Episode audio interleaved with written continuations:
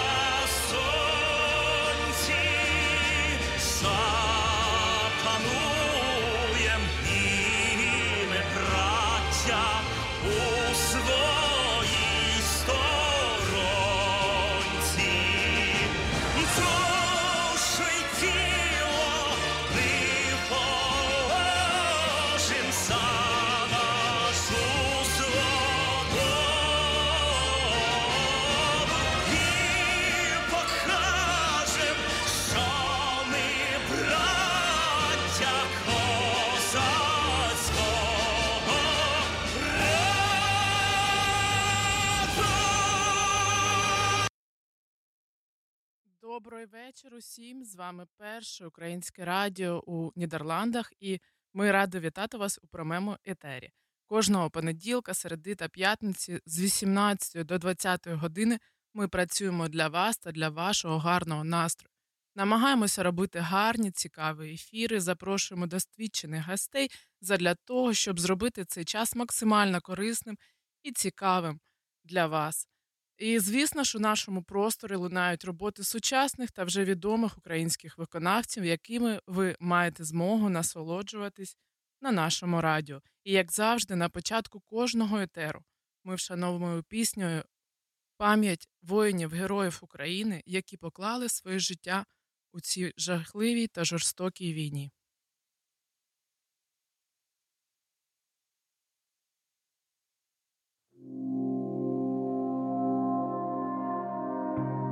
Ти носиш сльози на очах, десь у вогні на самоті, твоє дитя в чужих руках, а серце роздержає біль. Не повернуть, не пригорнуть, вкрала війна, важко збагнуть, це дикий біль, це дикий біль. Не пробачу ніколи, не пробачу нікому. За зупинений час, неповинних ні в чому, не пробачу ніколи, не пробачу нікому, янголам помолюсь, що не прийдуть додому. Ти носиш сльози на очах, піднявши погляд в небеса, іначе мантра на вустах, нехай зупинить біль весна, не повернуть, не пригорнуть, вкрала війна, важко збагнуть, це дикий біль, це дикий біль, не пробачу ніколи, не пробачу нікому за зупинений час, неповинних ні в чому, не пробачу ніколи, не пробачу нікому, янголам помолюсь, що не прийдуть додому. Сили небесні, дивіться нам в очі. В них біль, гнів, ненависть. Зупиніть наших ворогів, збережіть наших людей, захистіть нашу землю. Молю, почуйте наші голоси, бо ми говоримо, що сили. Нехай янголи стануть незримим військом в боротьбі за нашу свободу. Ми переможемо.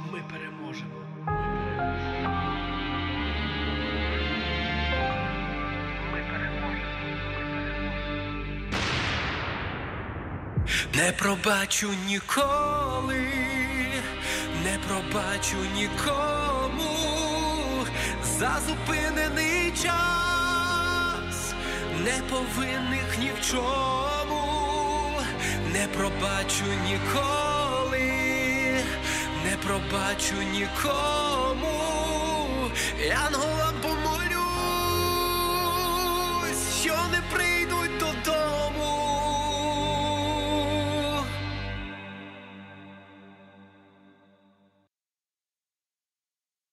Перед тим як звернутися до вас, я підписав указ про присвоєння звання Героя України лейтенанту Мовчану Віталію Анатолійовичу посмертно, підполковнику Вагоровському Едуарду Миколаївичу посмертно, полковнику Оксанченку Олександру Яковлевичу посмертно, майору Коломійцю Дмитру Валерійовичу посмертно.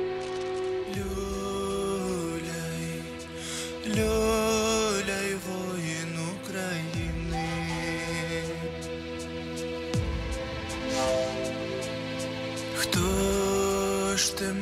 залюляє, як бою погинеш?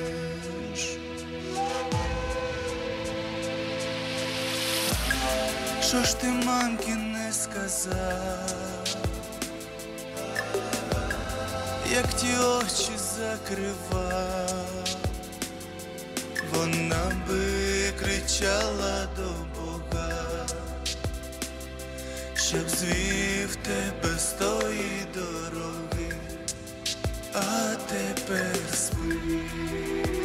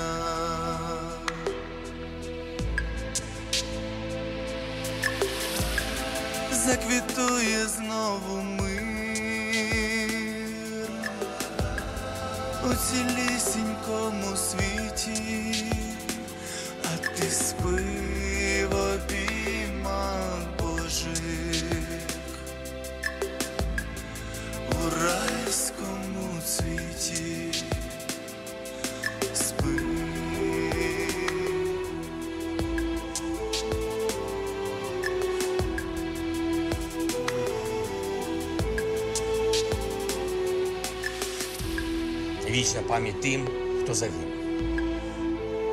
Вічна слава кожному, кожному, хто боронить нашу свободу.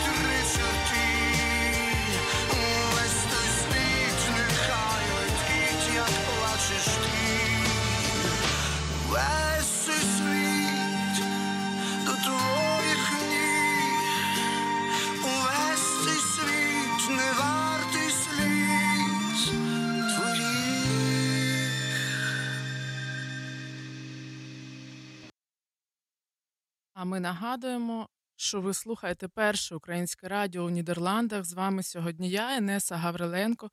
І сьогодні п'ятниця, кінець тижня. І для багатьох з нас це найочікуваніший день тижня, і з чим я вас вітаю. І сьогодні е, в ефір до нас завітає гостя, яка вже неодноразово була у нас е, е, у ефірі. Це Оксана Брізмер, з якою ми поговоримо про особливості трудових відносин у Нідерландах для українців. Залишайтеся з нами, і ми вже повернемося після невеличкої паузи вже з гостею.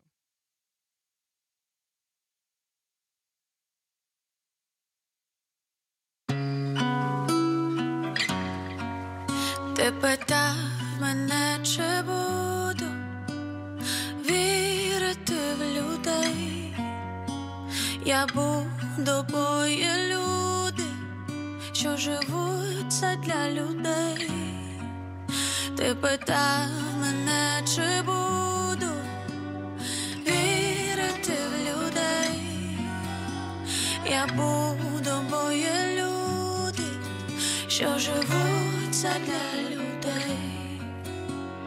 Люди тополі в полі хитаються, люди без полі в нори ховаються, люди каштани розсипаються, люди титани в серцях залишаються,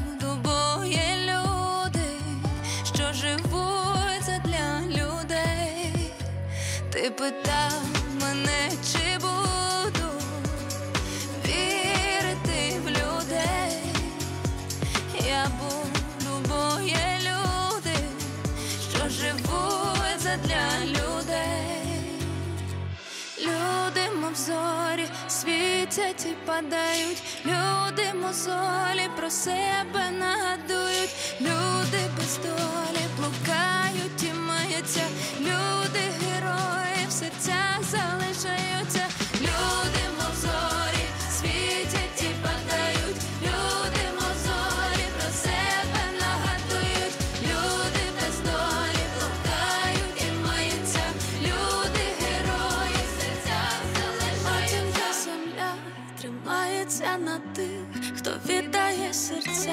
серця рідних і близьких. Матінка земля тримається на тих, хто віддає серце свої для всіх. Матінка земля тримається на тих, хто віддає серця за рідних і близьких. Матінка земля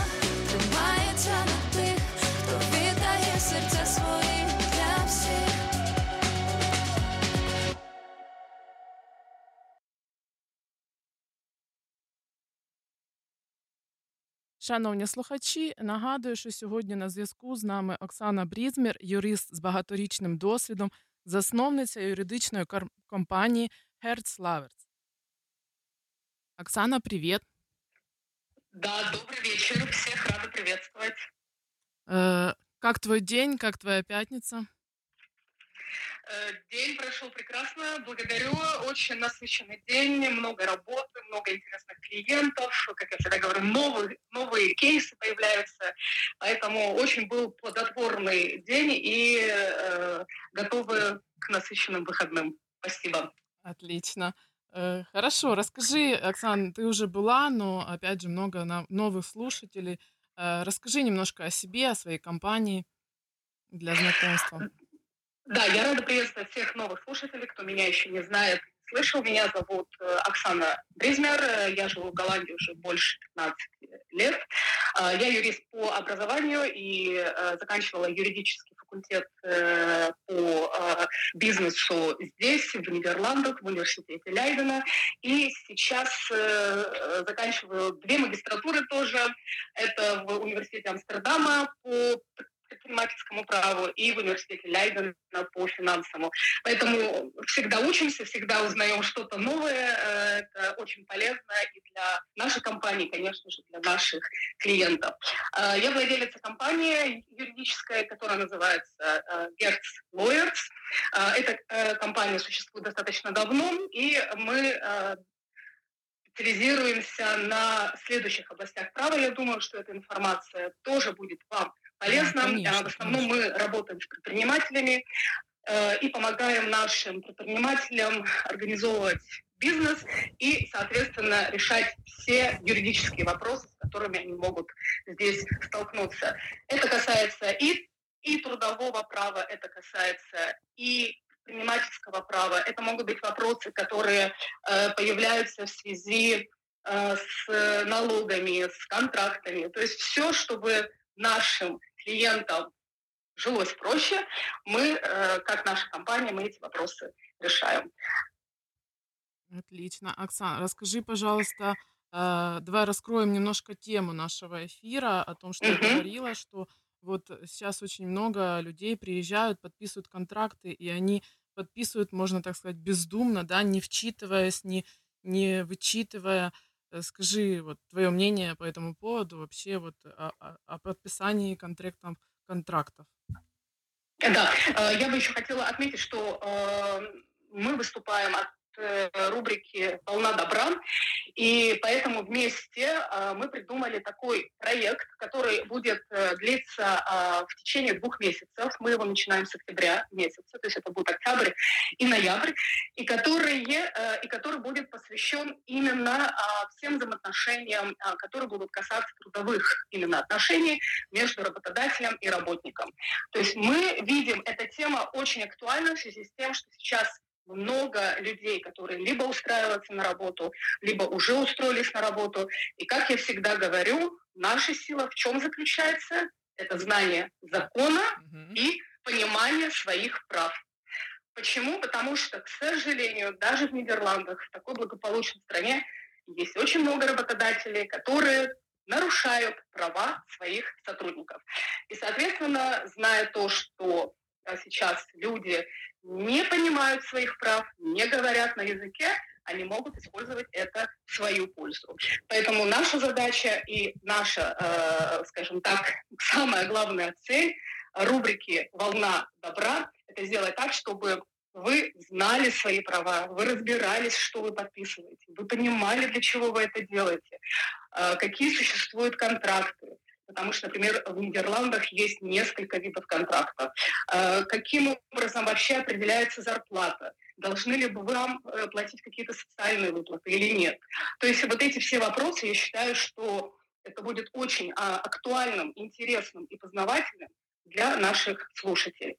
И, соответственно, мы вместе э, решили сделать следующим образом. Значит, в течение Э, восьми недель, начиная с октября месяца, то есть получается у нас, как я повторюсь, октябрь и ноябрь, мы проведем 8 эфиров, на которых мы с вами будем разбирать э, различные вопросы, которые касаются трудового права. И, конечно же, отвечать на ваши вопросы. Поэтому, дорогие слушатели, если у вас есть вопросы, если вас что-то беспокоит, э, мой совет – не находите информацию через какие-то социальные сети, обратитесь нам, и мы вам их раскроем и объясним. Э, и в течение вот этих восьми э, эфиров, как я сказала, мы с вами разберем достаточно много вопросов, которые будут касаться именно ваших прав. Вопросы, например, если у вас право на отпуск или нет, если вы работаете в неурочные часы, так тоже бывает. Как вам должна происходить оплата? Могут ли вас просто так уволить или нет? Могут с вами расторгнуть контракт или нет? Если вы заболели, что происходит? То есть вот эти все моменты мы можем на этих эфирах с вами обсудить. Но эфиры, к сожалению, э, они не, небольшие по времени, поэтому мы придумали еще э, организовать несколько, я думаю, может быть, это будет 3-4 встречи, личных встреч с вами, на которых мы более подробно с вами разберем уже эти вопросы. И, конечно же, э, я считаю, один из самых главных вопросов – это понимание, как мне платят, почему мне столько платят, и вообще как строится сама налоговая система здесь, сколько я должен платить налоги. Э, вот эти моменты мы с вами их э, обсудим. И как еще в заключение мы разработали специальный курс для наших слушателей, курс именно по трудовому праву, который будет длиться в течение пяти недель. И на этом курсе уже с видео, с личными консультациями со мной мы более подробно углубимся во все юридические э, вопросы, которые касаются трудового права. И я вам скажу, что э, здесь услуги юристов, к сожалению, стоят очень дорого. Поэтому мой совет – не дожидаться, когда появится проблема, не дожидаться, когда у вас возникнет юридический конфликт с вашим работодателем. Лучше разобраться изначально, и вы уже будете говорить с вашим работодателем, соответственно, абсолютно на другом языке. Спасибо большое. Это очень важно, конечно, знать э, свои права и, э, и обязанности, да, то есть, ну, очень э, интересные будут эфиры, поэтому следите за эфирами, пожалуйста, на э, волне добра каждую среду с 18 до 20 я буду объявлять, делать это э, афиши в наших э, телеграм-каналах, на наших интернет-сайтах э, и также э, в Инстаграм. Оксана, Да, э, скажи, пожалуйста, да. еще пару слов, скажи нам пожелания, пожалуйста, на эти выходные, на эту неделю. И да. Дорогие мои слушатели, я вам, вам хочу честно пожелать одно. А, вы находитесь э, в другой стране, да, где действуют совершенно другие законы, вы встречаетесь, и вы встречаете очень много людей, различных э, специалистов. Поэтому лучше э, дай Бог каждому, чтобы вы нашли очень хорошего специалиста, который вам поможет э, решить какие-то вопросы и э, ваши задачи. И я вам пожелаю, углубляйтесь в вопросы, не, не оставляйте это на потом, потому что, э, вот, к сожалению, бывает чаще всего так, что мы решаем свои вопросы по уже когда все горит. Поэтому мы, как э, юристы, всегда рекомендуем лучше что-то предотвратить, чем потом вот решать уже горящие проблемы и вопросы. Поэтому обращайтесь, пишите, обязательно задавайте ваши вопросы, мы рады будем на них ответить. Для этого мы и есть э, с нашей рубрикой «Волна добра». Мы несем добро в мир и хотим вам с удовольствием помочь. Поэтому э, пишите и э, ждем любых вопросов. Я вам желаю отличных выходных. Э, надеюсь, что они у вас будут насыщенными, интересными, и погода тоже нас будет радовать. И до следующей уже встречи в прямом эфире. Это будет октябрь месяц, то есть это будет э, да, Инесса подскажет да, мне, да, или третье, да, или второе да, октября? Даты, это четвертое. Даты мы да. э, э, будем, да. э, опять же, называть в афишах, э, давать в наших социальных сетях. Поэтому э, следите за нашими эфирами. Спасибо тебе огромное за твое время, что ты нашла э, время нам все-таки вкратце дать эту информацию важную. И спасибо, хороших тебе выходных. До новых встреч в эфире. Да, я вас тоже благодарю э, за эту возможность. Всегда рада быть вам полезной. И до новых встреч. Всем до свидания.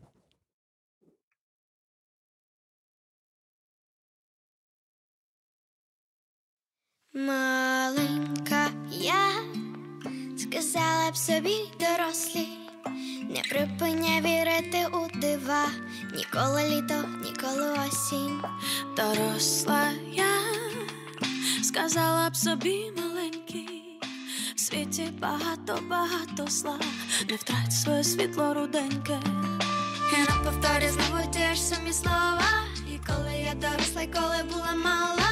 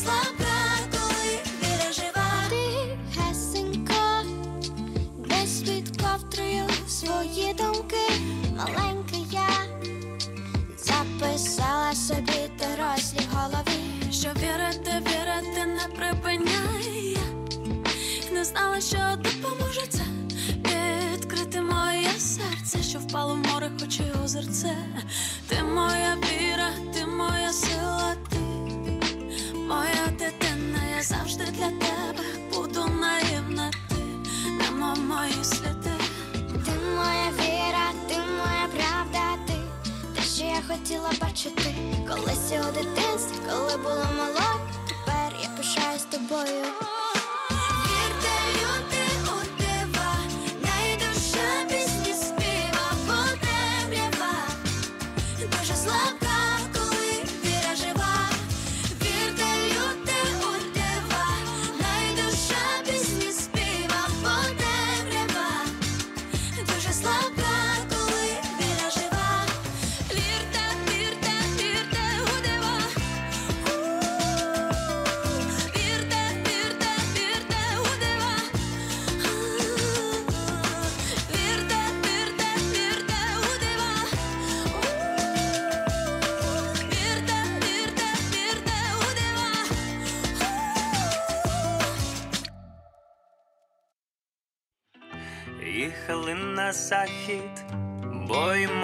Сказати привіт. Слухай, що за нафіг, я нормальний чоловік, досить нас ділити по містам і язикам.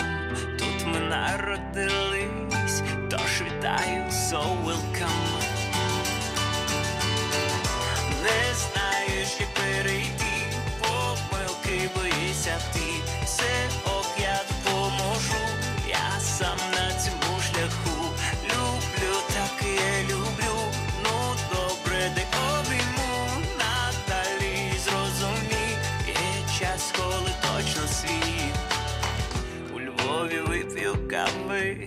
тремпель в Харкові возьму, в Буковель троянди, із Донецька привезу, світ запам'ятає, лютий місяць в феврале, з півночі в Одесі, я чекатиму в кафе.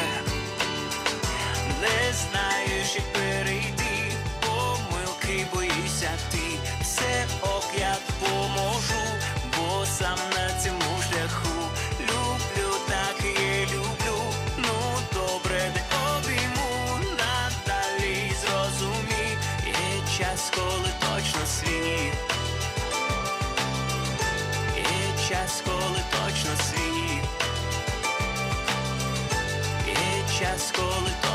свій. Не знаєш, як перейти. Помилки боїшся ти, все ок, я допоможу, бо сам на цьому шляху.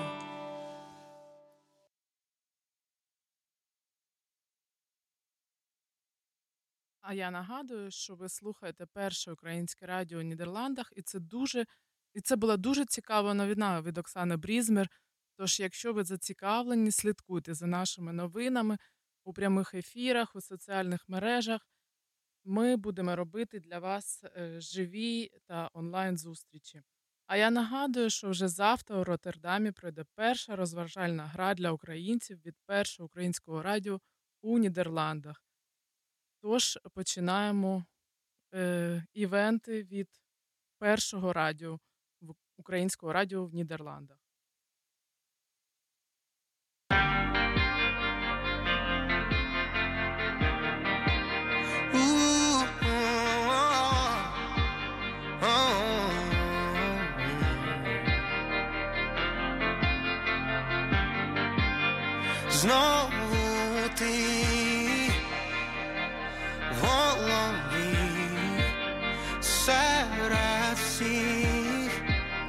Постійно помічаю сонцем стала уночі в темряві погляд твій без томи я шукаю, хочу бути там, де ти смієшся.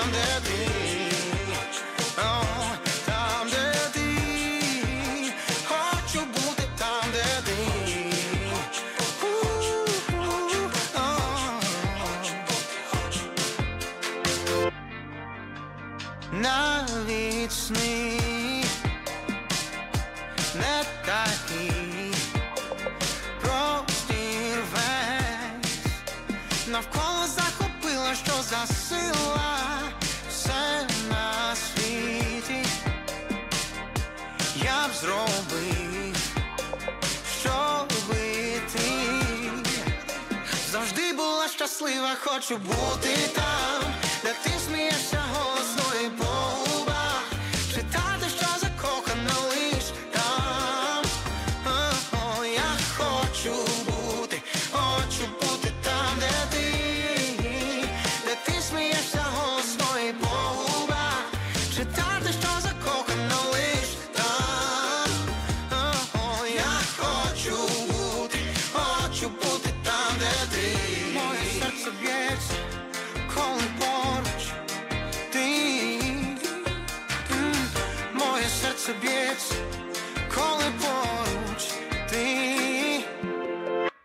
хочу бути там, де ти смієшся голосно і по губах Читати, що закохана лиш там Я хочу бути, хочу бути там, де.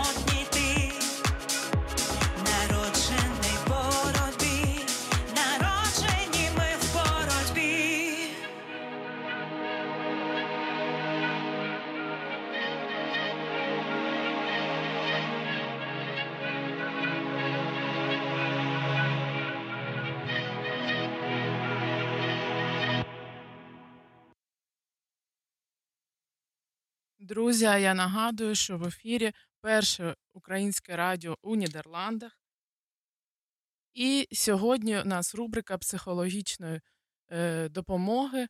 Е, хотіла вас запитати, ви знаєте, що наразі наш е, простір працює дуже швидко в плані того, що реалізовує наші запити.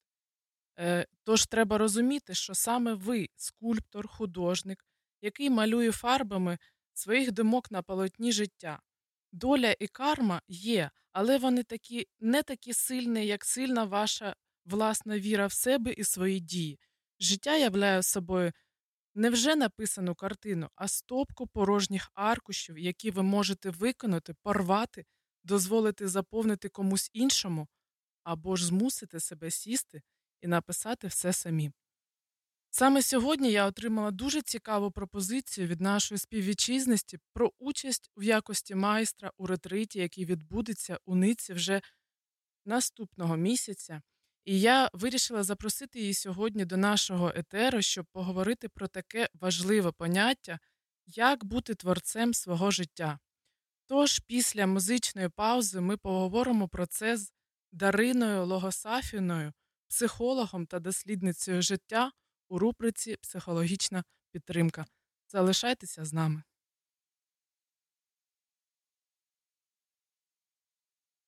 Я дожену останнього вагона, коли вона мене чекає вдома, я дотянусь останнього балкона, коли вона мене чекає вдома, я дожену останнього чекає вдома, я дотянусь останнього балкона, коли вона мене чекає вдома. Дякую, що чекаєш, дякую, що ти ждеш. Подумки обіймаєш і під подушку кладеш. Дякую, що ти терпиш, дякую, що тремтиш. Коли не телефоную, ти плачеш або мовчиш. Тепліше немає ковдри, ніж твої руки. За кілометр впізнаю всі твої рухи. Рідніше немає нічого, ніж твій погляд. Ти дочекайся, а я уже поряд. Я дожену останнього вагона, коли вона мене чекає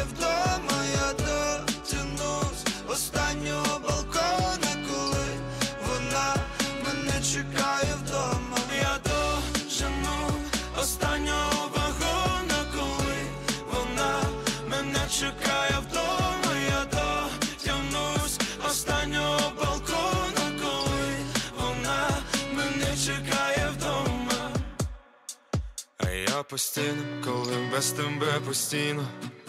А я постелі, коли без тебе в пустелі. Ми без зупину думаємо про обійми. Тому біжим на біле світло у тунелі. Ми стомлені відстанню, шукаємо пристані, біжимо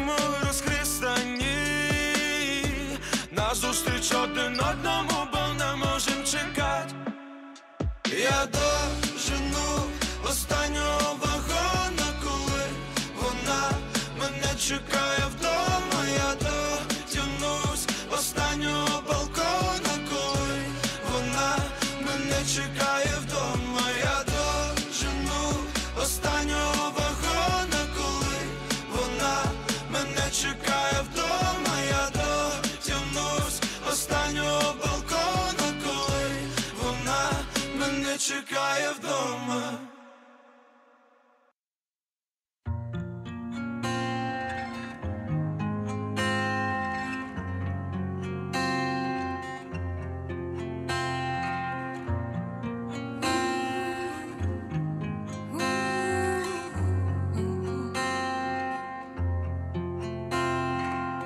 Чому мені сниться, як знову і знову гуляєм з тобою рідному Львову, там пахне весною і сонце сідає на березі річки, якої немає.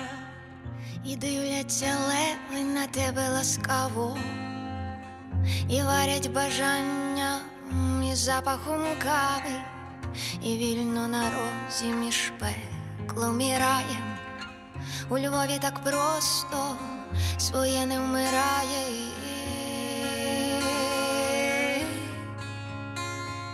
Дихає місто весни моє.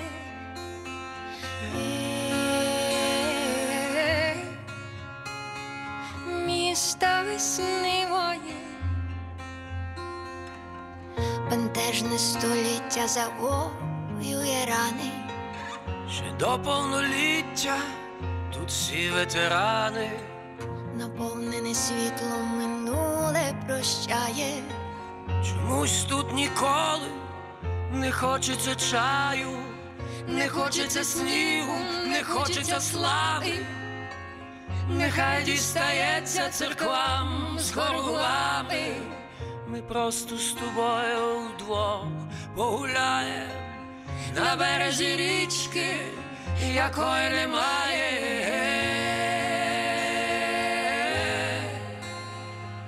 Дихає місто весни моє.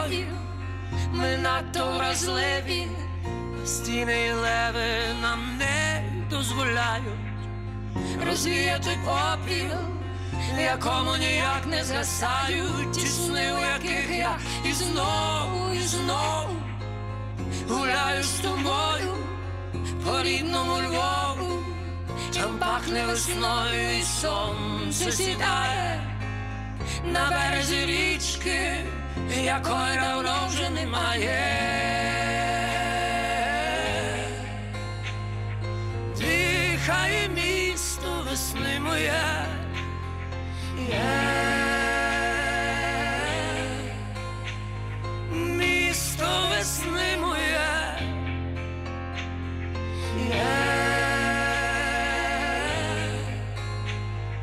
Дихає місто весни моя.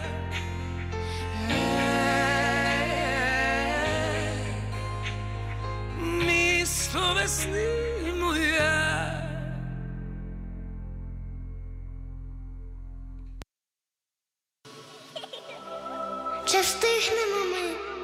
побачити новий день? Чи встигнемо ми побачити сонце? Чи встигнемо побачити щасливі очі наших батьків? Встигнемо, бо у нас є надія, сила і наша країна.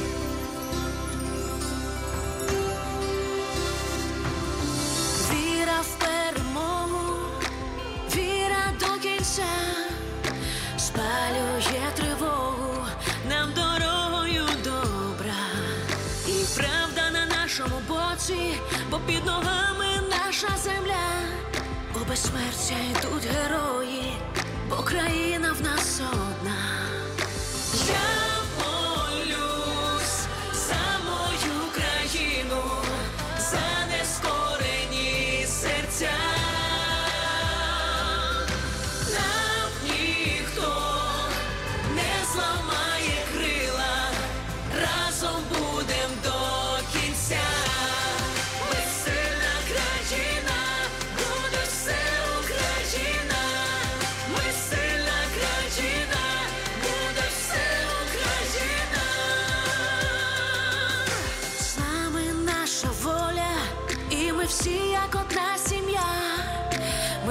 Здамось без бою, бо країна в нас одна. За нашими плечима наші діти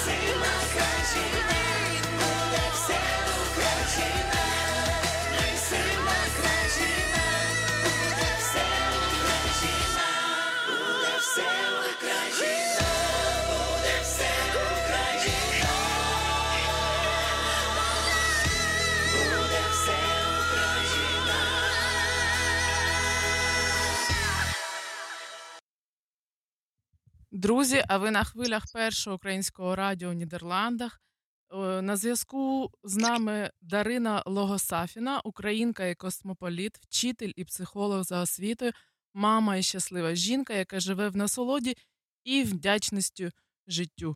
Добрий вечір, Дарино. Доброго вечора, Інеса. Дуже рада чути вас. Я е, декілька разів назвала твою фамілію. Е, Скажи, будь ласка, прізвище твоє правильно я назвала? Дуже складно. А, Мені дуже сьогодні було це. Е, Як твій день? Як твій настрій? Чудово, мені дуже приємно було чути пісню про Львів. У мене такий настрій львівський. Я дуже люблю бути е, в Україні останнім часом, з початку війни, все більше ціную і люблю нашу неньку. І зараз у Львові все чудово. Тут багато процесів зараз е, прекрасних відбувається. Україна вже відроджується. Так і буде, все буде Україна. Ми знаємо, ми віримо, ми сильні. Добре, Дарина, розкажи трохи про себе нашим слухачам, бо ти в нас вперше у ефірі. Так, ну я, як і всі, е, шукаю в цьому житті способи бути щасливою і е, робити вклад в те, щоб всі люди на планеті були щасливими. Тому я досліджую різні інструменти для цього: психологія, е, арт-терапія, тілесні практики. Мандрую по світу, відвідала е, Азію, Африку, Європу і всюди ціную дуже зустрічі з людьми, які, так як і я, шукають відповіді на глибокі питання про життя, і ми можемо ділитись цим. Це прекрасно. Е, так, за освіту я знаю, людям цікаво зазвичай і професійні. Дані, я е, вчитель, е, філолог, і психолог. Е, Це мої основні освіти. Ну і багато навчання вже прикладних е, засвоюю е, те, що мені цікаво: арт-терапія, тілесні практики. Добре, дуже цікаво. А скажи, будь ласка, тож як, на твою думку, бути творцем свого життя? Так, це взагалі я вважаю, всі кажуть, що зараз перехід на нашій планеті. Ось я вважаю, що цей перехід в цьому якраз, що ми можемо стати творцями свого життя. Це означає, е, по-перше, взяти відповідальність за те, що відбувається в моєму житті, тобто побачити, що е, все, що приходить, це відображення мого бачення, е, моїх очікувань від світу, тобто яким я його бачу, до мене і повертається. Якщо я бачу життя Дарина, прекрасним. ти сказала про перехід. Можеш трошки розповісти про це, бо е, слухачі ж не розум... можливо, хтось не розуміє, про, що... про який перехід ти кажеш. Ну про це багато хто говорить зі своїх сторін. Ще почалося, коли ковід е, змінив наше життя. Я не беруся судити про це якось е, з конкретної якоїсь історії. Ну, Я просто власна думка, це цього буде достатньо. Так. Так, я довіряю своїй інтуїції. Я відчуваю, що е, змінюється е, багато чого, відкриваються нові можливості, і, начебто, перелом такий епох. Ми проживали певні сценарії, задачі як людство. А зараз проживаємо нові. Якщо раніше ми були задачі вижити, е, то зараз жити, творити. І я побачила, що е, Вижити е, я можу, це, це вже знайомо. А ось е, жити е, в творчості, в насолоді, в цікавості, це ще треба навчитися. І це, а навчитися починається з того, як я казала, що взяти відповідальність за те, що я можу, що це в моїх руках.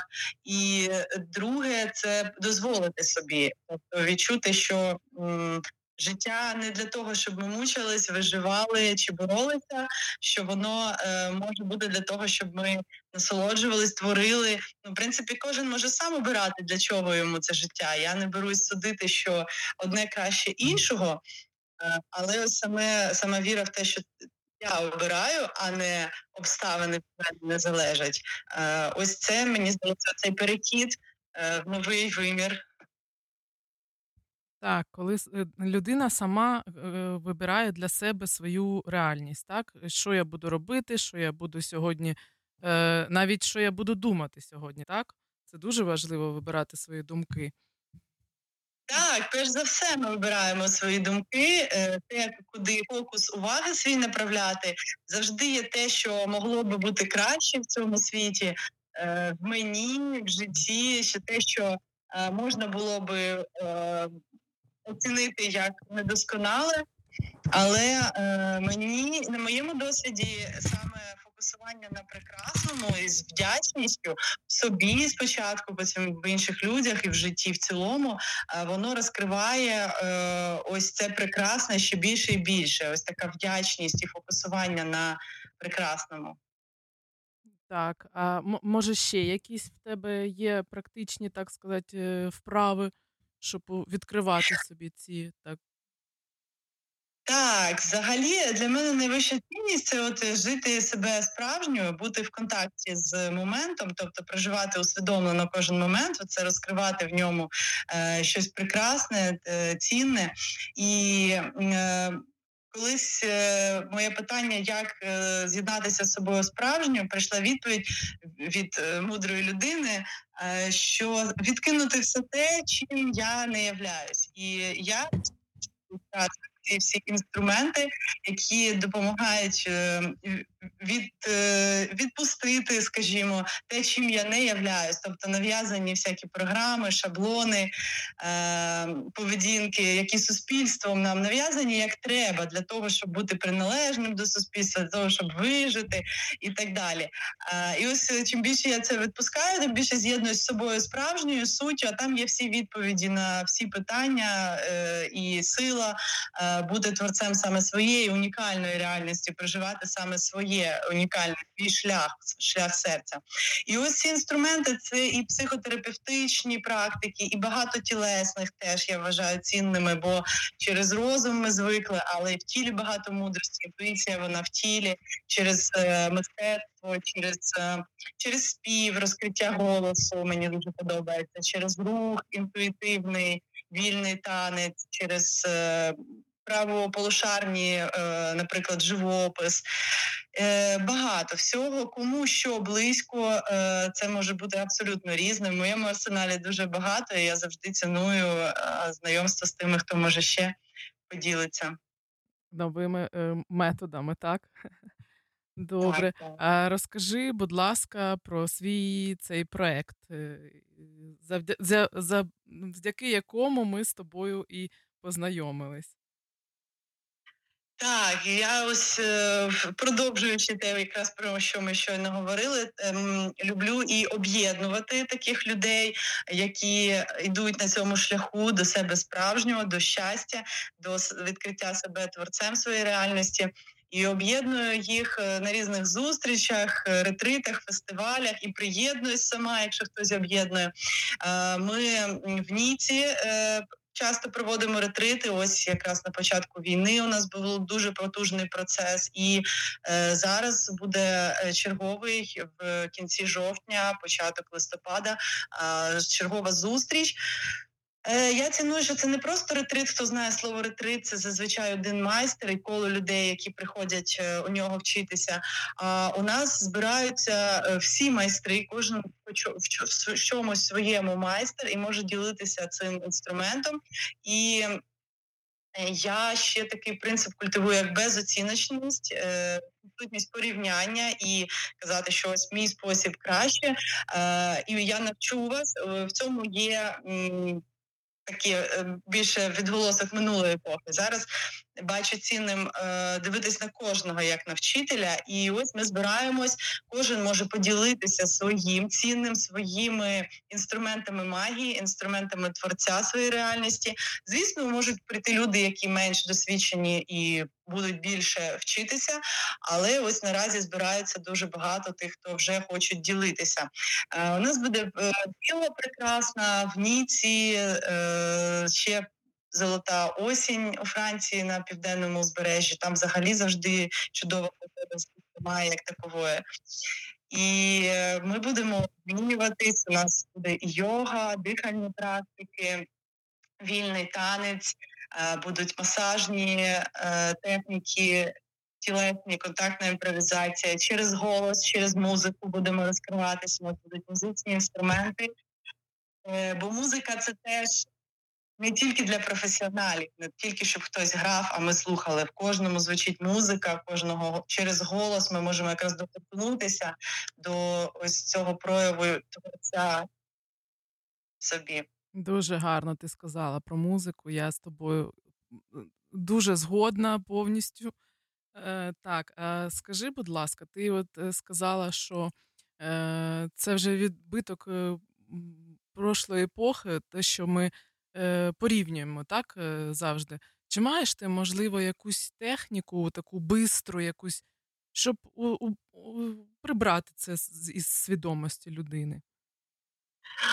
Е, Технік дуже багато. Прибрати прям я скажу так, що пропоную не прибрати, а просто побачити місце цьому. Критичне мислення і порівняння воно десь потрібно в якихось точних е, науках, е, в технологіях, коли ми розвиваємо людство, зробило великий крок в технологіях завдяки саме цьому принципу, який неокортекс, та частина мозку, яка є тільки у людей, вона дозволяє аналізувати минуле, знаходити якраз оце порівняння і знайти недолік, покращити його і збудувати стратегію на майбутнє вже з покращенням. І це дуже швидко.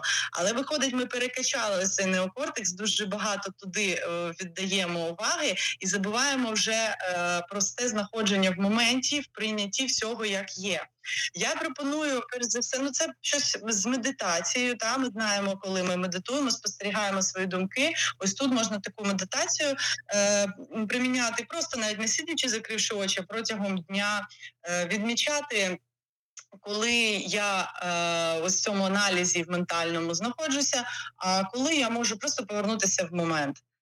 Дихання допомагає просто відчути, як я роблю вдох, видих і дивлюсь навкруги, що я бачу, е, не оцінюючи його, а феноменологічно, як кажуть, е, просто як є, і прожити, е, що я відчуваю в даний момент через тіло, наприклад. Які запахи, які звуки я чую, які відчуття у мене до чого я торкаюся тілом. І це погружає в момент, і ось там немає е, міркувань, оцінок, там є таке от щастя просте. Так, але є люди, е, в яких цей е, е, ми, мислі, так, е, потік мислі не зупиняється. Ну, можна сказати, е, люди не треновані, не, не знайомі з психологією, з медитацією. Як їм бути у цих моментах, коли вони починають, навіть я знаю деяких людей, які починають медитувати, але е, цей рой мислій дуже заважає. Що робити в такому випадку? От я якраз і пропоную не оцінювати цей рой як щось погане, не відштовхувати, а просто спостерігати його, і все ж таки мати так і відпускати там, де, наприклад, його забагато в якийсь момент для того переключанням ось уваги на ось ці відчуття в тілі. Вони якраз це є така практика. Це можна сісти сконцентровано зробити, але не тим, щоб боротися з думками, а тим, щоб переключити все ж таки увага, вона обмежена. І якщо ми погрузимось увагою, наприклад, відчуття тілесні, от як моя нога торкається підлоги, сідниці, як вітерець мені по шкірі е, прилітає, а потім на нюх, що відчуваю, потім на слух, найтонші звуки міста почали де знаходитись. Е, то думки просто думкам не буде місця. І коли вони переходять в аналіз, ми можемо їх призупиняти. Так. Ну, тобто просто відслідковуючи. Так, а відпускати якісь практики е, з відпускання, це, це такі ж, е, як ти назвала, це е, той же шлях, чи може є ще якісь е, варіанти? Їх є багато, звісно, їх можна уявляти, да, як якісь пташечки летять. Ну, для мене більш за все, коли я погружаюся в цей момент і переключаюсь саме на відчуття. У мене такий, я навіть таке е, можу сказати про себе, що я не дуже йох, якби я не дуже вмію теж цю медитацію, контроль своїх думок, е, фокусування. Мені більше як жінці, такі повітряні, підходить якраз розфокусувати увагу, і ось її розфокусувати на ось ці тілесні відчуття, відчуття. Е, того, що є зараз в просторі, і себе частинкою цього простору, і того, що в мені відбувається, ось його предостатньо для того, щоб думкам вже ментальній жвачці не було просто місця. Дуже гарно. Добре. Е, розкажи, будь ласка, е, ще якісь моменти творіння, так? Творіння свого життя. Рекомендації для наших слухачів. Можливо, якісь свої адвайси. Так. Е, Ось перше ми почали з того, що ми е, усвідомлюємо, що що це взагалі в моїх руках, що це від мене залежить, моя реальність. І далі е, для мене все дуже пов'язано з цим безоціночним сприйняттям не коли ми розкладаємо на ваги, що ось це чорне, це біле в цій планеті, що є щось е, добро і зло, є там те, що я хочу, щоб в мені, наприклад, як людині було, а є що я не хочу і хочу примітити якось. Ось ці дуальності, ця боротьба, е, вони якраз спричиняють війни на нашій планеті, внутрішній конфлікт є е, цьому джерелом, потім зовнішній виходить, і ось ці всі катаклізми. Мені було цікаво вийти за межі цієї дуальності, побачити, е, що наша планета вона все ж таки не райська і не адська, там якби полярності. А ми посередині, і у нас тут в рівному балансі е, і темного, і світлого, і приємного, і неприємного. Е, кожна прекрасна страва закінчується негарним в туалеті, кожна прекрасна людина закінчується гниттям, тобто, все воно ну нерозривно зв'язано. І якось ми раніше прагнули. Мені здається, це щось було нав'язане нам якимись. Е, Такими структурами, типу релігійних, е, управлінчих, яким було вигідно в нас цей конфлікт поділити, садити і управляти було легше людьми. Нам казали, що ось так ти будеш хорошим, а так ти будеш поганим. Ось це ти святим будеш, якщо будеш е, тільки е, духовне щось робити, а ось так ти будеш падшим і гріховним. А е, я пропоную боку з таким баченням цілісним, що всі ці грані реальності ми можемо просто любити, не оцінювати, тобто приймати, е, як воно є, все, що є. Є сум, сумувати, є біль, прожити його, як він є, е, втратив будинок. Е, я, наприклад, під час війни втратила свій, свій будинок. Прожити це сумно, больно, моє забрали, проплакати, прокричати і і приходить зцілення, дозволити собі ці всі емоції прожити, не оцінюючи навіть це негатив, і як же я такий недалекий, що це там плачу чи чи кричу. А от саме проживши, приходить таке зцілення. Е, прийняття, що так, ця гра, вона не ось такі тут правила на цій планеті є і, і чорне, і біле, але чи хочу я при цьому залишатися в цій грі е, на цій планеті і продовжувати жити. Хочу, да, наприклад, ми всі хочемо. Тоді е, що далі залишається? Ну або весь час дивитись на оте неприємне і боротись з ним, або жалітися, що ось воно там таке є, або сфокусуватися на ресурсному, на тому, що є прекрасного, і бути вдячним за це. Ну, в принципі, вдячність це взагалі, якщо говорити про інструмент творця, то це для мене саме потужний інструмент творця вдячність, тому що вдячність це не те, що не тільки за те, за приємне, за за все, за те, що я живу, і все це є, вся ця гама почуттів, і те, що я в цьому всьому себе можу пізнавати, обирати те, що мені подобається йти своїм шляхом. І ось із цієї вдячності е, життя якось дає все більше і більше прекрасного, те за що хочеться е, вдячити. Вдячність і... як ресурс, так? Так, так, як ресурс, як інструмент творця.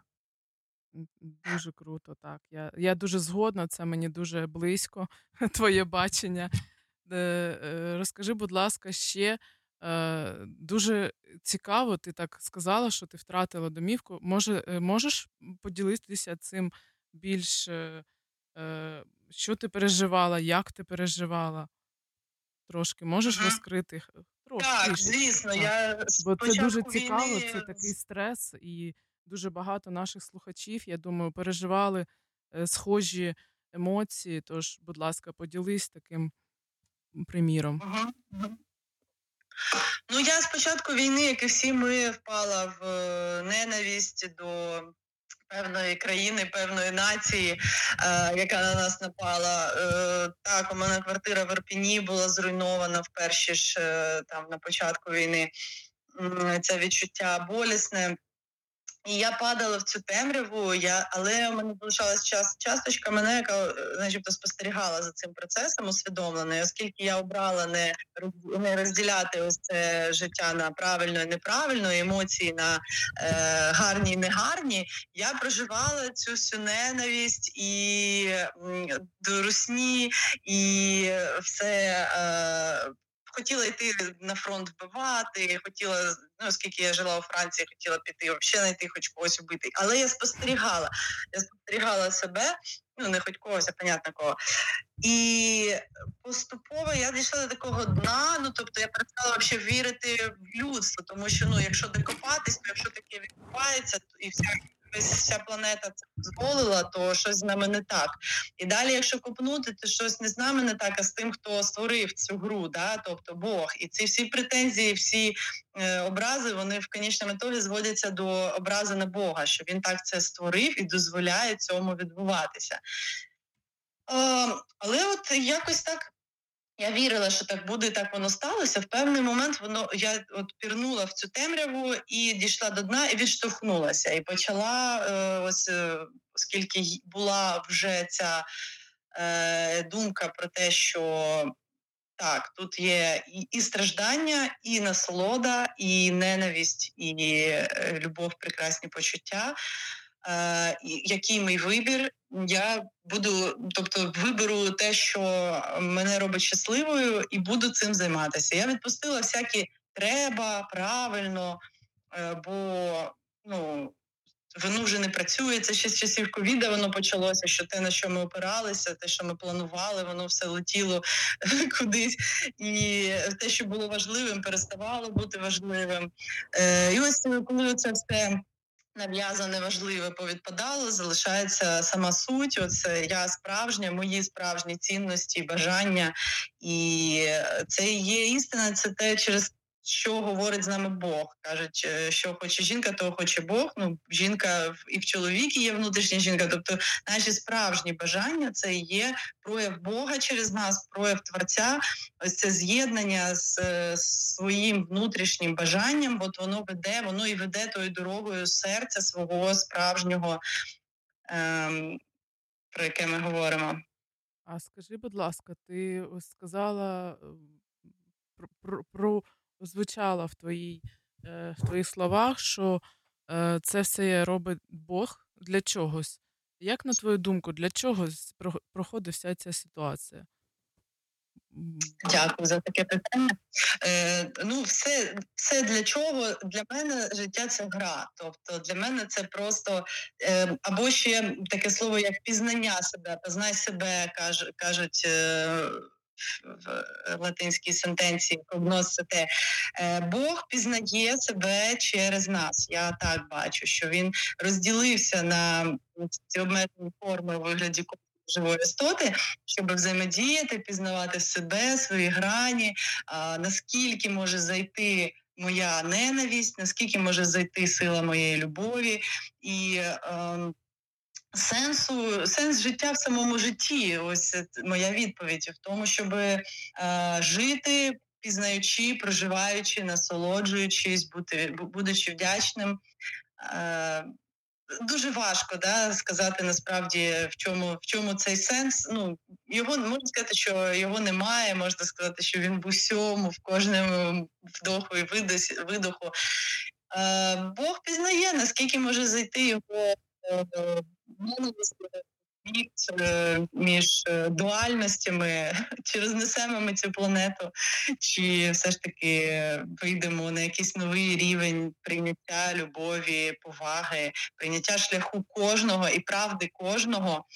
Е, в так як вона є, навіть якщо мені здається, що це безглуздість, що ця людина недалека, але це її правда. І ось ем, я бачу зараз задачею нас як людства і себе особисто знайти спосіб. Е, Поєднувати ось моє бачення життя з з кожною людиною, у якої може бути інше бачення життя. Однакових однакового бачення і не може бути завжди, хоч в чомусь воно різниця. І от безоціночно дивитись на спосіб проживати цю реальність кожної людини із повагою, і якось при цих різницях знаходити можливість жити на цій планеті разом, не боротися з цією іншою правдою. Це виклик. Я ба Тож, я не можу сказати, що виклик я... для кожної людини, е, як для самої себе. Духовність, е, людяність, так е, я підітожу, так. так висновки зроблю з твого висловлювання. Дуже дякую тобі. Дарино, і як завжди, у нас є ще трохи часу. Розкажи, будь ласка, е, як люди можуть е, можуть знайти посилання на цей ретрит? Є, Чи є ще в тебе вільні місця? І е, так, розкажи трошки ще про ретрит. Дякую, Неса. Є зараз ще можливість приєднатися і на перший тиждень з 26 жовтня по 2 листопада, і набираємося ми чи на другий, і на третій тиждень, бо у всіх трошки різні канікули в Європі. Хто ще може можна і сім'ями долучатися, і поодинці. А, Можна знайти мене Лохо Сафіна, Дарина і в інстаграмі, і в телеграмі, і, і там є інформація, і я можу відповісти на всі питання. А, Буду дуже рада всім. Приєднуйтесь, хто хоче почерпнути. Е, головне, що в таких об'єднаннях, окрім того, що ми інструментами ділимо, звісно, це теж головне, все по-своєму головне. Е, що дуже важливо, цінно, це саме самий стан, от який люди, які вже навчилися е, знаходитись в моменті, не віддаватися потоку тих думок, які виснажує, а просто знаходитись в моменті в щасті. Ось цей стан він заразний. Він як Wi-Fi роздається і поле оце прийняття, безоціночна відсутність, е, коли люди прокачені, у них немає цих внутрішніх конфліктів. Хоча ну в якомусь ступені вони ще залишаються, так але е, цінні стани вони передаються по Wi-Fi, тому е, просто. Приєднатися, побути, поділитися своїм і обмінятися інструментами для того, щоб розкрити творця в собі. Дуже класне порівняння. Дякую. Я візьму собі на на, е, на свій е, досвід. Е, І е, Дарина, у нас е, така є традиція вже так. Ми е, побажання нашим слухачам, побажання всім, бо нас слухає не тільки слухають не тільки в Україні, а й за межами. Будь ласка, твої побажання нашим слухачам. Ну я звісно бажаю того всього, про що ми говорили весь цей час. Тобто, стати творцем своєї реальності, бути щасливим, любити це життя таким, як воно є. Е, прийнявши, що воно не ідеальне, не тільки приємне, тут є і страждання, і біль, і і смерть. А, І, мабуть, це так створено, щоб ми цінували більше, насолоджувалися е, життям, коли знаючи, що воно може обірватися в будь-який момент, і може прийти все, що завгодно.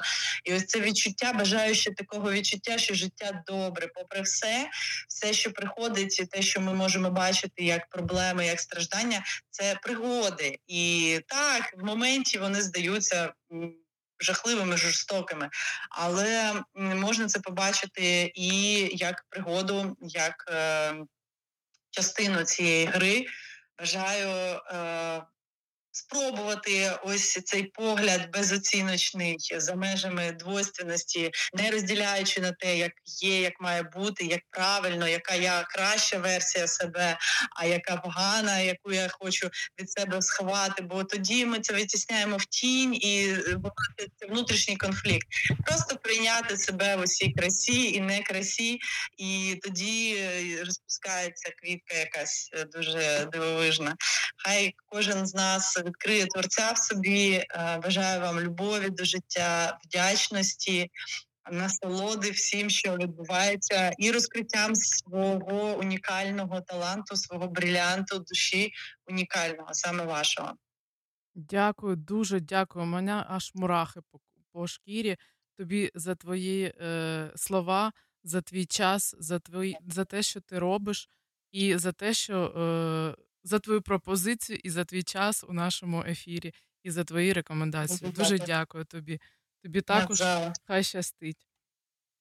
Па-па. Дякую, Неса. На зв'язку. Дякую за те, що ти робиш. На зв'язочку.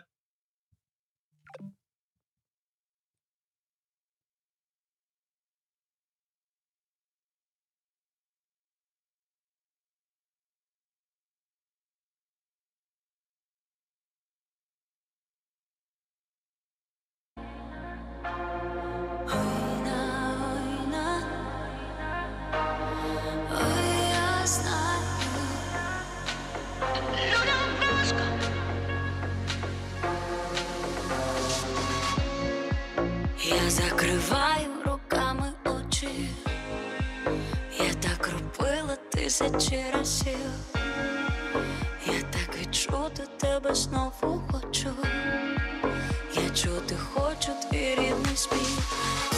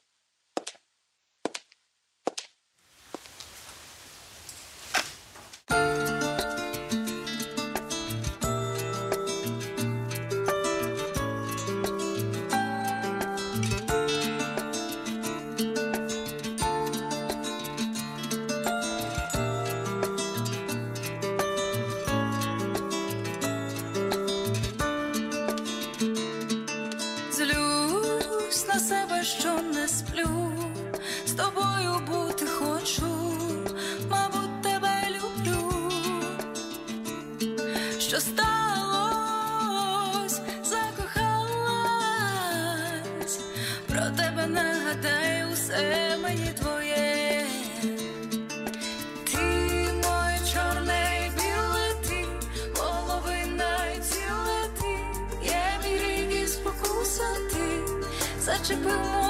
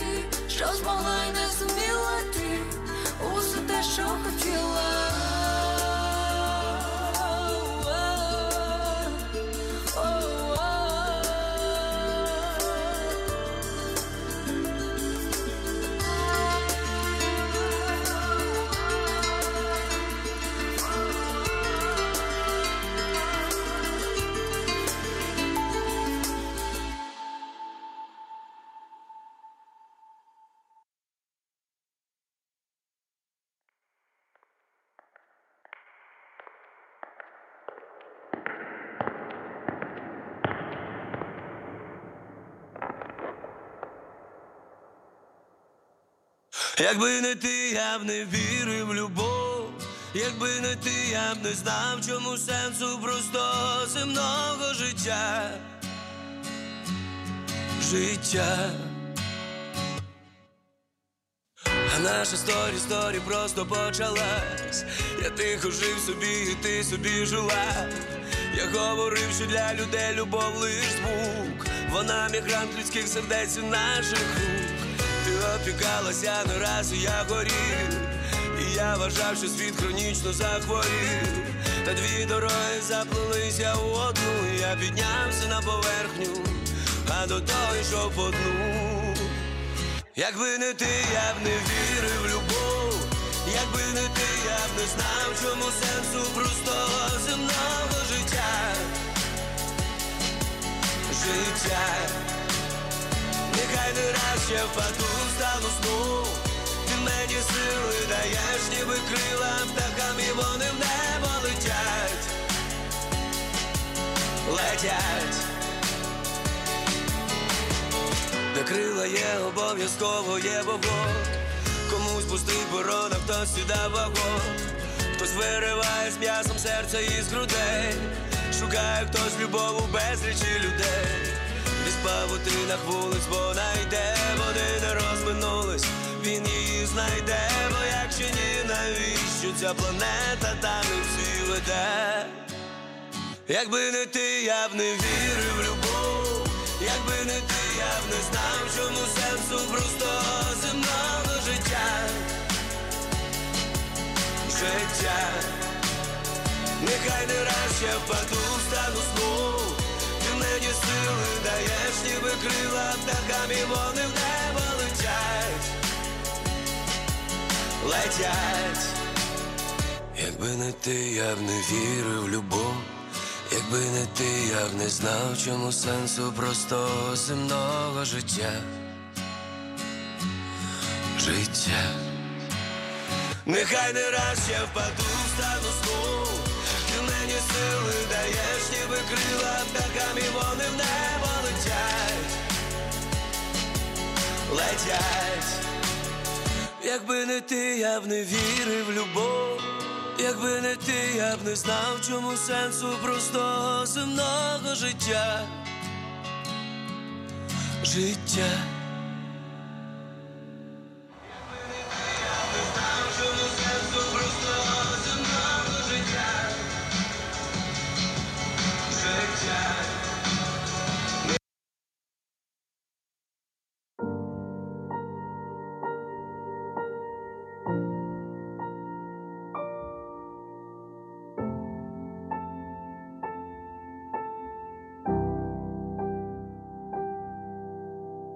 Кожен день нові шляхи, хай буде сонце там, де ти чекаєш на мене, плачеш даремно, все мене і навіть біль. Не сумуй, посміхни, зі мною все буде добре, твоя любов допоможе.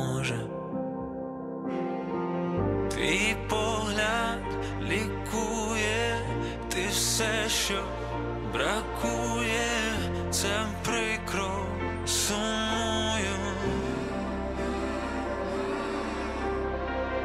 Не знаю, що завтра, як буде, насправді є сили, тримаюсь, а ти чекай мене поки новий день мене, якщо ти сумуєш, відчувай світло, і буде відстань непомітна, а ти чекай мене, і сонце в очах зійде, через деякий час я повернусь додому, де все рідне і знайоме, день мене пощастить. Кожен час і кожна мить, неначе остання, хвилює мовчання, будь зі мною до кінця, я збережу своє життя, щоб побачити знову і обійняти любов'ю, а ти чекай мене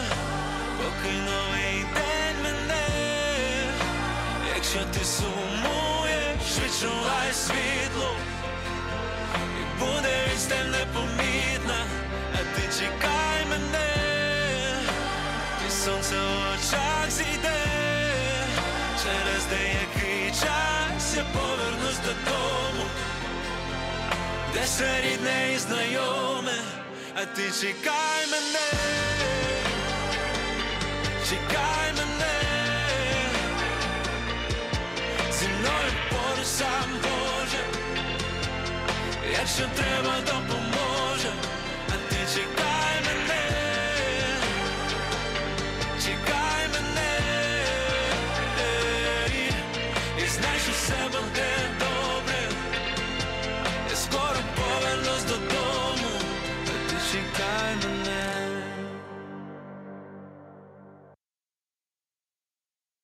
Тож, друзі, я нагадую, що ви в ефері, етері першого українського радіо у Нідерландах. І е, я дякую Дарині за таку дуже е, гарну і цікаву бесіду. Е, І продовжуючи цю тему шляху до себе, так я хочу е, сказати одну новину, що е, через два тижні, саме 7 жовтня, е, відбудеться гра Ліла. Це така дуже глибока гра під знання себе у Ларині. Е, це є ще один івент від першого українського радіо у Нідерландах е, та рубрики Хвиля добра. Тож е, посилання я кину до групи у телеграм-групі, а також будуть у наших соціальних мережах.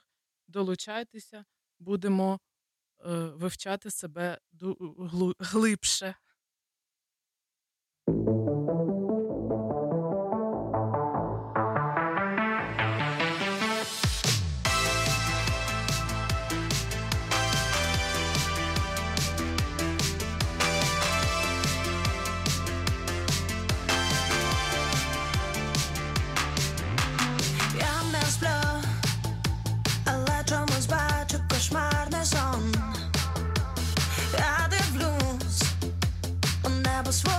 в своє вікно, задиму, і ми вже за гранню діли думок. Я роблю назустріч тобі, бандовий стрибок. Катайся про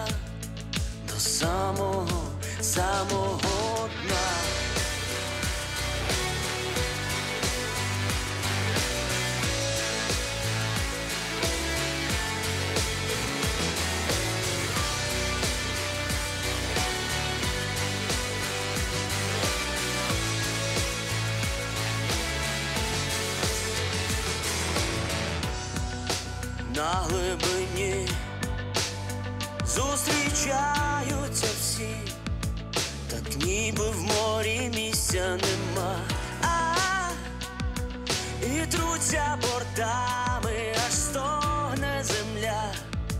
Від зависті, підлості зла, хтось не доплив, бо йому помогли. Набрати повні трюми.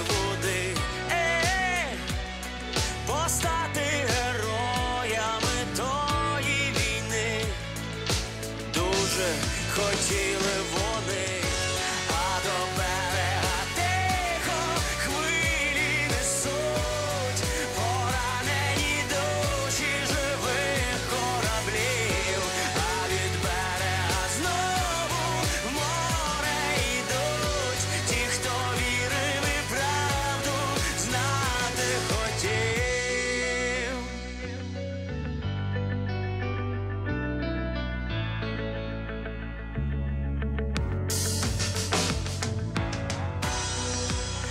наш океан знає більше, ніж ми, секрети всі у нього на дні, е а ми ходим зверху, великі малі, люди, як кораблі, гордо пливем.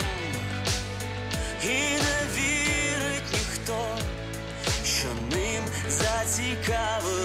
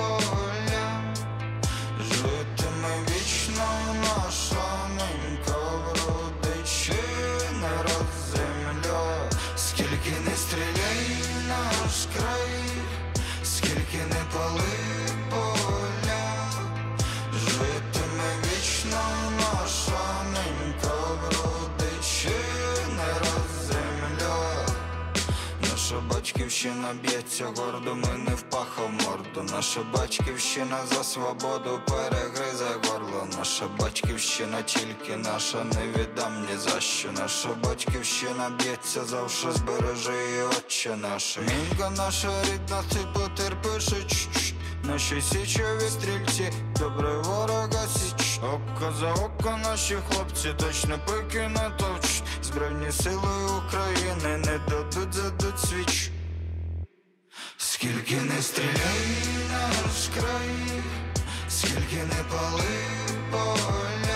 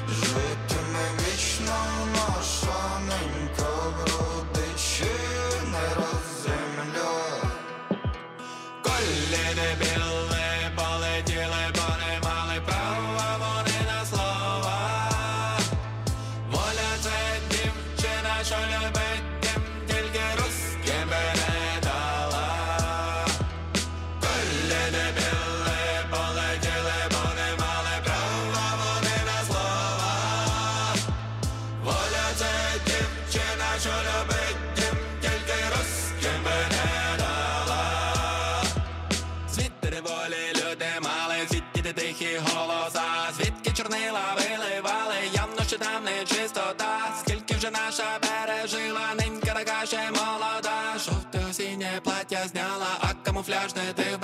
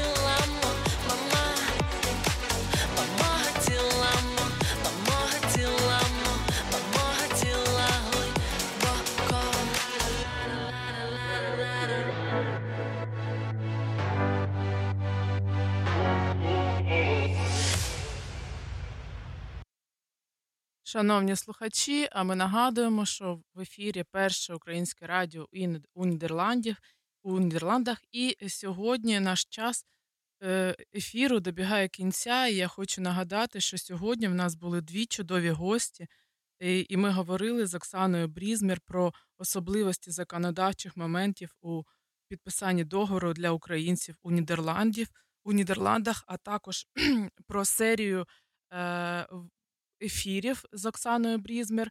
А також ми поговорили про те, як бути творцем свого життя. Дуже класно розкрила нам цю тему Дарина. Ще раз хочу подякувати тобі за те, що ти робиш. І підсумовуючи сьогоднішній ефір, хочу сказати, будь ласка, будьте уважними до себе, до свого здоров'я і внутрішнього стану та до зовнішнього вигляду. Приймайте себе такими, які, як- які ви є, без оцінювання.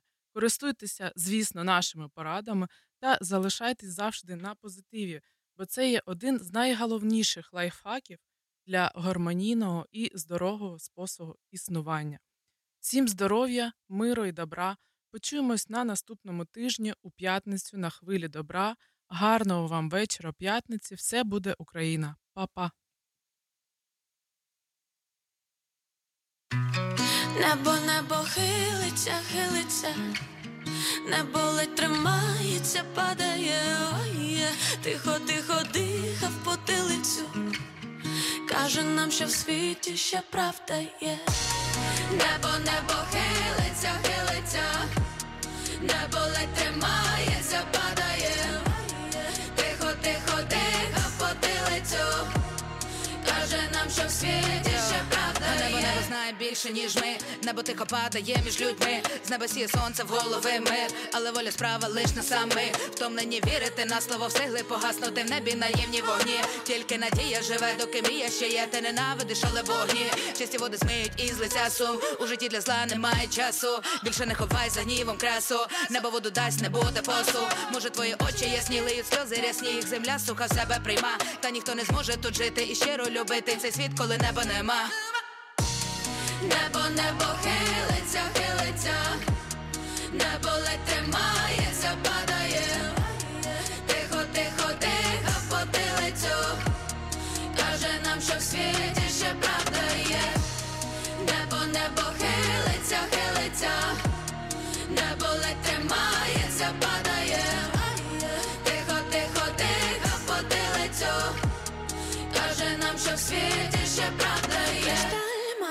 кожна людина. З роками він забруднюється, наче сотенне очищення має зробити кожен, кожен перехожий, кожен перехожий від непростих думок, які тягнуть міста та складних розмов, де купа сліз не впаде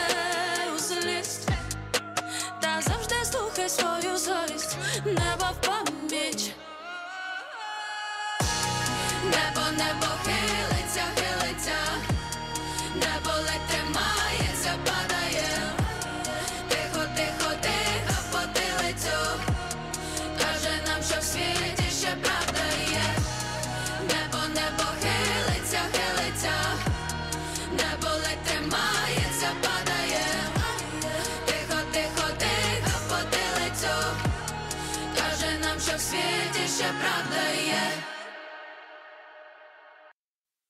Набирай мене, коли лягаєш спати, коли темно на вулиці і пусто в кімнаті, коли слів багато, що не наздогнати, коли не набрати, мене б не змогла ти. Набирай мене, ніби воду в долоні, коли запульсує у серці і скроні, коли наступають холодні безсонні, коли на пероні ти на оболоні. Поки вітер шумить у високій траві, ти надсилай мені голосові, крізь темний ліс, що стоїть навколо, я буду чути твій рідний голос,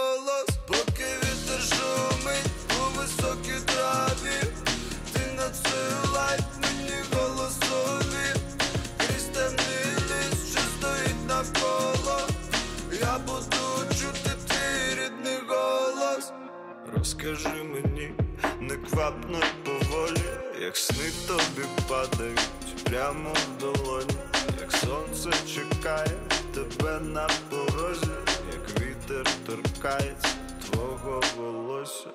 Розкажи про все важливе не дуже, про те, що турбує, до чого байдуже, про місяці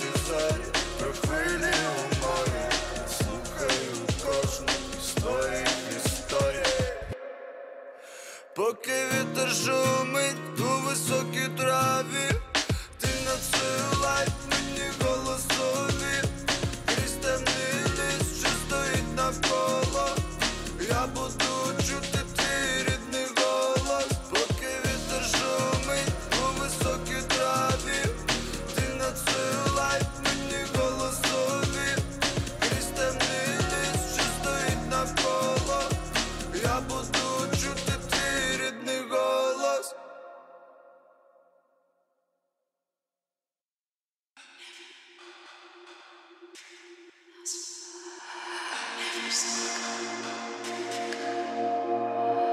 Дай мені відчути все навколо, дай мені відчути все це на собі.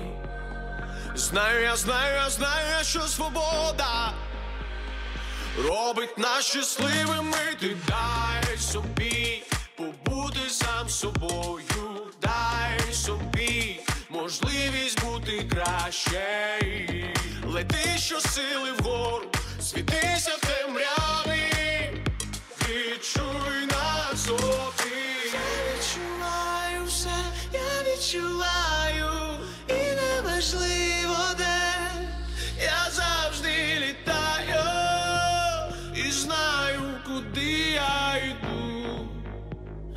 сам того хочу і я відчуваю все, я відчуваю і неважливо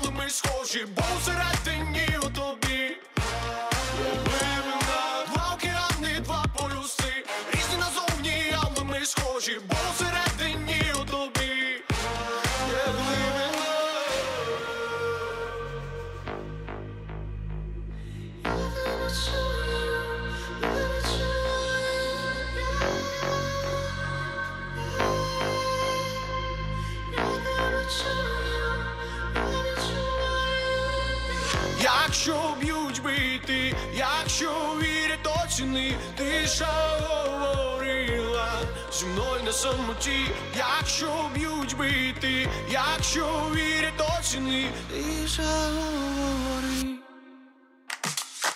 Це